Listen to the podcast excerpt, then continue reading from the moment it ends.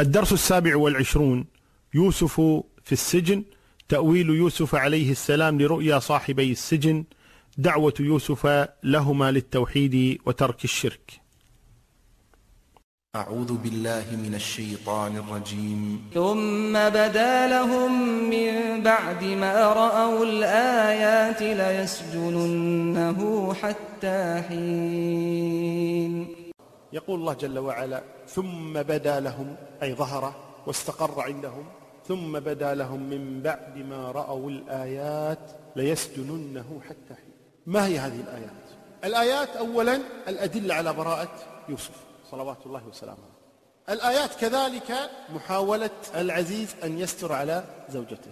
الآيات كذلك إسكات الناس الذين ما صار حديثهم إلا في امرأة العزيز ويوسف عليه الصلاة والسلام. الآيات العزيز إلى الآن يخاف من امرأته لأنها ما زالت تريد. يوسف بل صارت تصرح بذلك. فرأوا بعد ذلك بدا لهم من هم؟ العزيز وبطانته. استشار بطانته. ما تقولون؟ أتركه هو بريء. نحن رأينا الأدلة وشهد الشاهد وقلت لها استغفر لي ذنبك. هذه آية. ما ترون؟ أنا العزيز. أفضح أمام الناس لأجل يوسف. ما ترون؟ أنا العزيز. ما زلت أخاف من امرأتي أن تأتي ليوسف عليه الصلاة والسلام. ما تقولون؟ أسكت هذه الألسنة التي صارت تلوك قصة امرأتي مع يوسف. ما تقولون؟ رأوا بعد ذلك أن يسجن يوسف عليه الصلاة والسلام. وهذه مصيبة. عندما يغيب العدل ويسود الظلم يصير البريء متهما والظالم يصير مظلوما ويستر على بيوت مجرمة مقابل إيذاء أناس براء كما وقع ليوسف صلوات الله وسلامه عليه. يقول الله تبارك وتعالى بعد أن انتهت هذه المحنة الرابعة ليوسف عليه الصلاة والسلام. ما هي المحنة الأولى؟ إلقاؤه في الجب. الثانية بيعه. الثالثة مراودتها له. الرابعة مراودتهن ودخوله السجن. صلوات الله وسلامه عليه. إذا حياة مليئة بالابتلاءات. وإذا قال النبي صلى الله عليه وسلم أشد الناس بلاء الأنبياء. ثم الأمثل فالأمثل. يبتلى المرء على قدر دينه. أدخل السجن. يقول الله تبارك وتعالى ودخل معه السجن فتيان. قال أحدهما إني أراني أعصر خمرا. وقال الآخر إني أراني أحمل فوق رأسي خبزا تأكل الطير منه. نبئنا بتأويله إنا نراك من المحسنين. ودخل معه السجن فتيان شابان دخل معه وهو فتى أيضا ولا لا؟ هو فتى تراود فتاها. ودخل معه فتيان.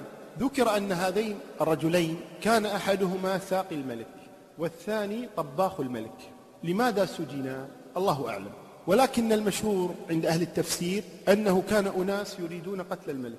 فذهبوا إلى الساقي وقالوا له ضع في شرابه سما فيشرب السم فيموت ونعطيك كذا وكذا أغروه بالمال فرفض. فذهبوا إلى طباخ الملك فقالوا له ضع في طعامه سما ونعطيك كذا وكذا فقبل فوضع له السم.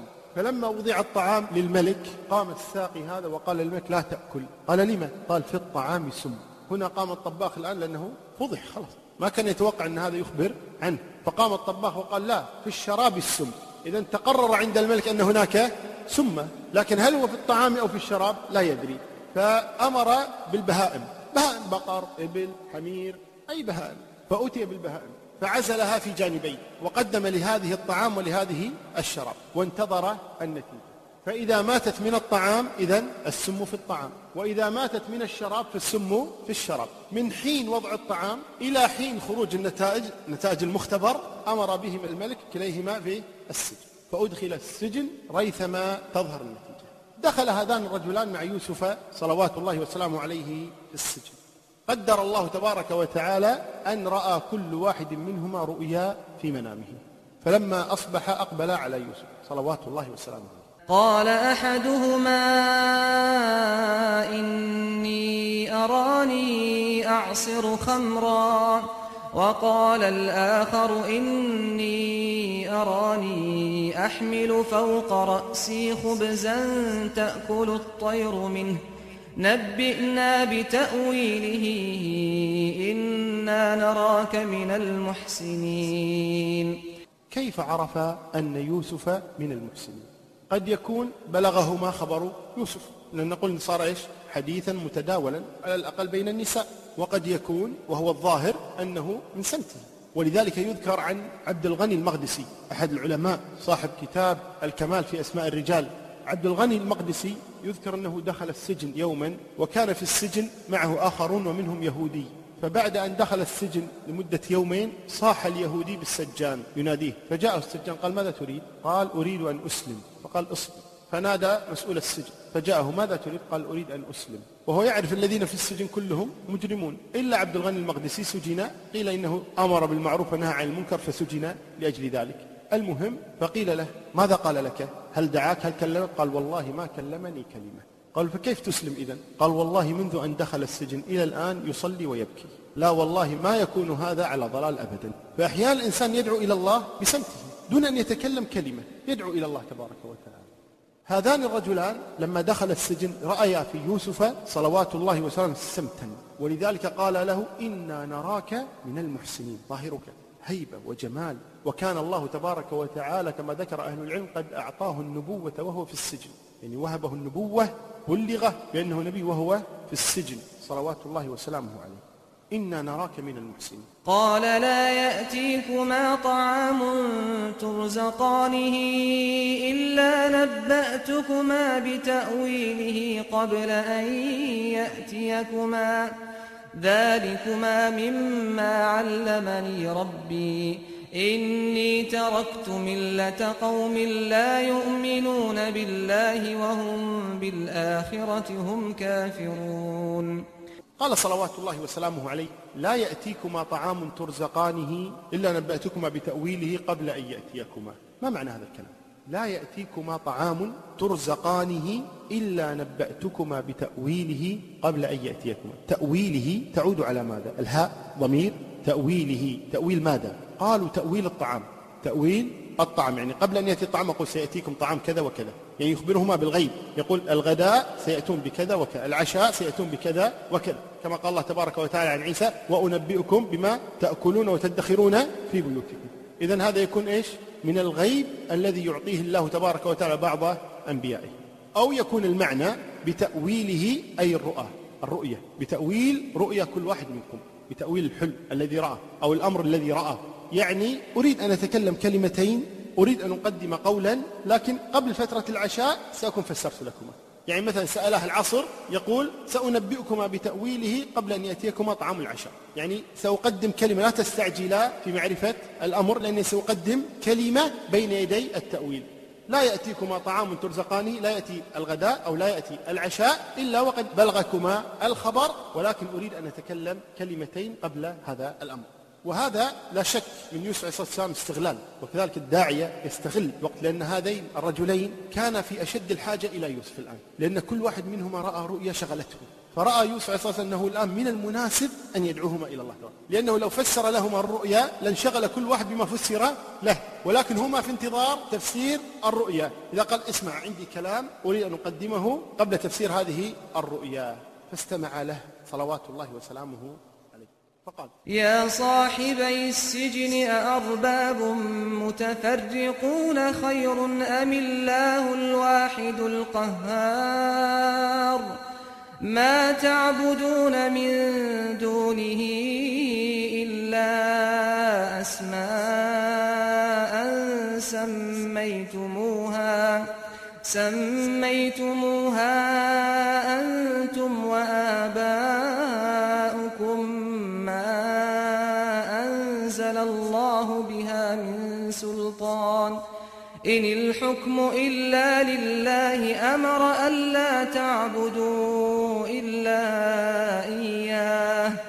ذلك الدين القيم ولكن أكثر الناس لا يعلمون. أرباب متفرقون. خير. أم الله الواحد القهار؟ أرباب متفرقون. لأن من الناس من ربه بقرة ومن الناس من ربه شجرة.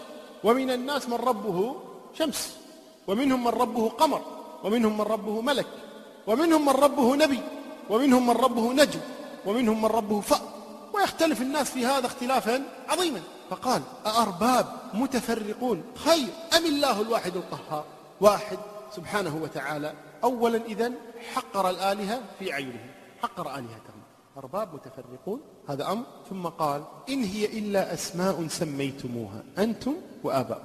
يعني أنتم سميتموها آلهة لكن هي في حقيقة الأمر ليست آلهة. أعطيتموها اسما لا تستحقه. إن هي إلا أسماء سميتموها أنتم سميتموها أربابا. أنتم سميتموها آلهة. لكن والله لا هي بآلهة ولا هي بأرباب. وإنما هي تسميات من عند أنفسكم.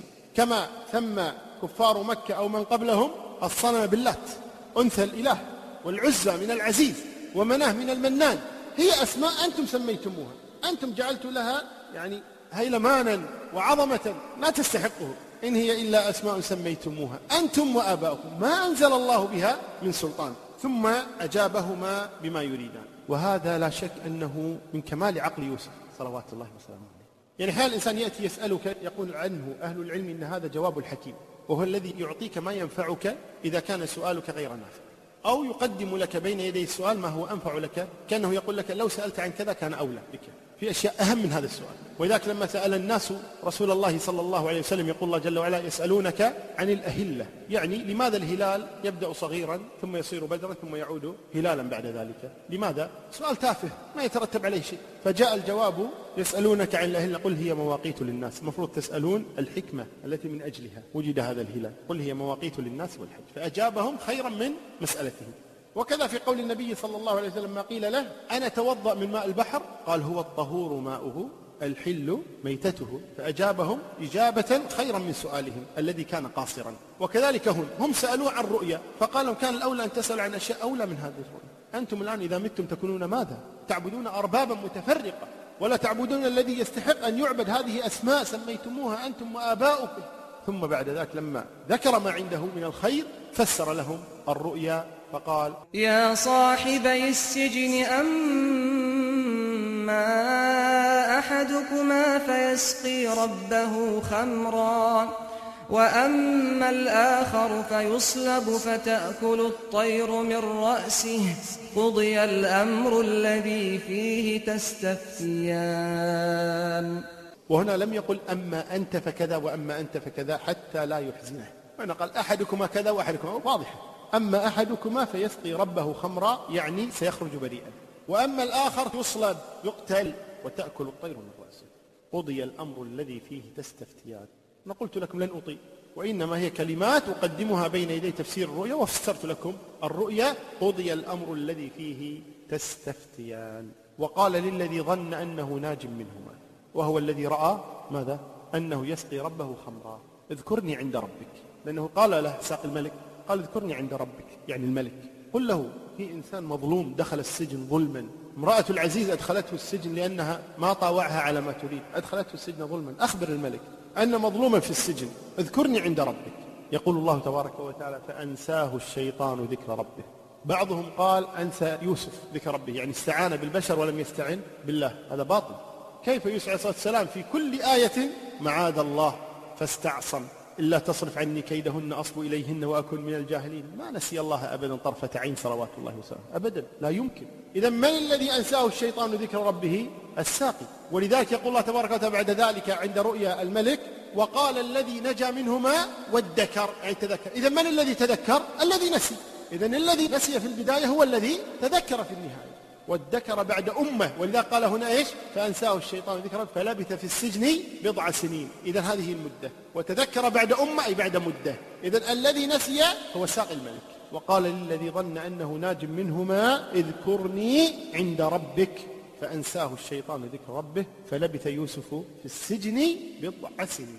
والبضع كما يقولون هو بين الثلاثة والسبعة. لكن لا يعلم كم لكن سواء كانت ثلاثة أو سبعة هي مدة لا شك أنها طويلة. بريء يسجن كل هذه المدة لا شك أنها طويلة جدا. وقال للذي ظن أنه ناج منهما اذكرني عند ربك فأنساه الشيطان ذكر ربه فلبث في السجن بضع سنين. اذكر حالي ومظلمتي يقول الله تبارك وتعالى فأنساه الشيطان ذكر ربه. أي أنسى الشيطان الرجل الذي أمره يوسف صلوات الله وسلامه أن يذكره عند ربه. أنساه ذكر ربه. فكان أن ترتب على ذلك أن لبث يوسف في السجن بضع سنين. وعلى المشهور عند أهل العلم أن السنوات التي مكثها يوسف صلوات الله وسلامه عليه بعد هذه الحادثة سبع سنين. وهذا من لطف الله جل وعلا وعظيم حكمته لما سيأتي ونعرفه في إكمالنا لهذه القصة الشريفة. والله أعلى وأعلم. وصلى الله وسلم وبارك على نبينا محمد.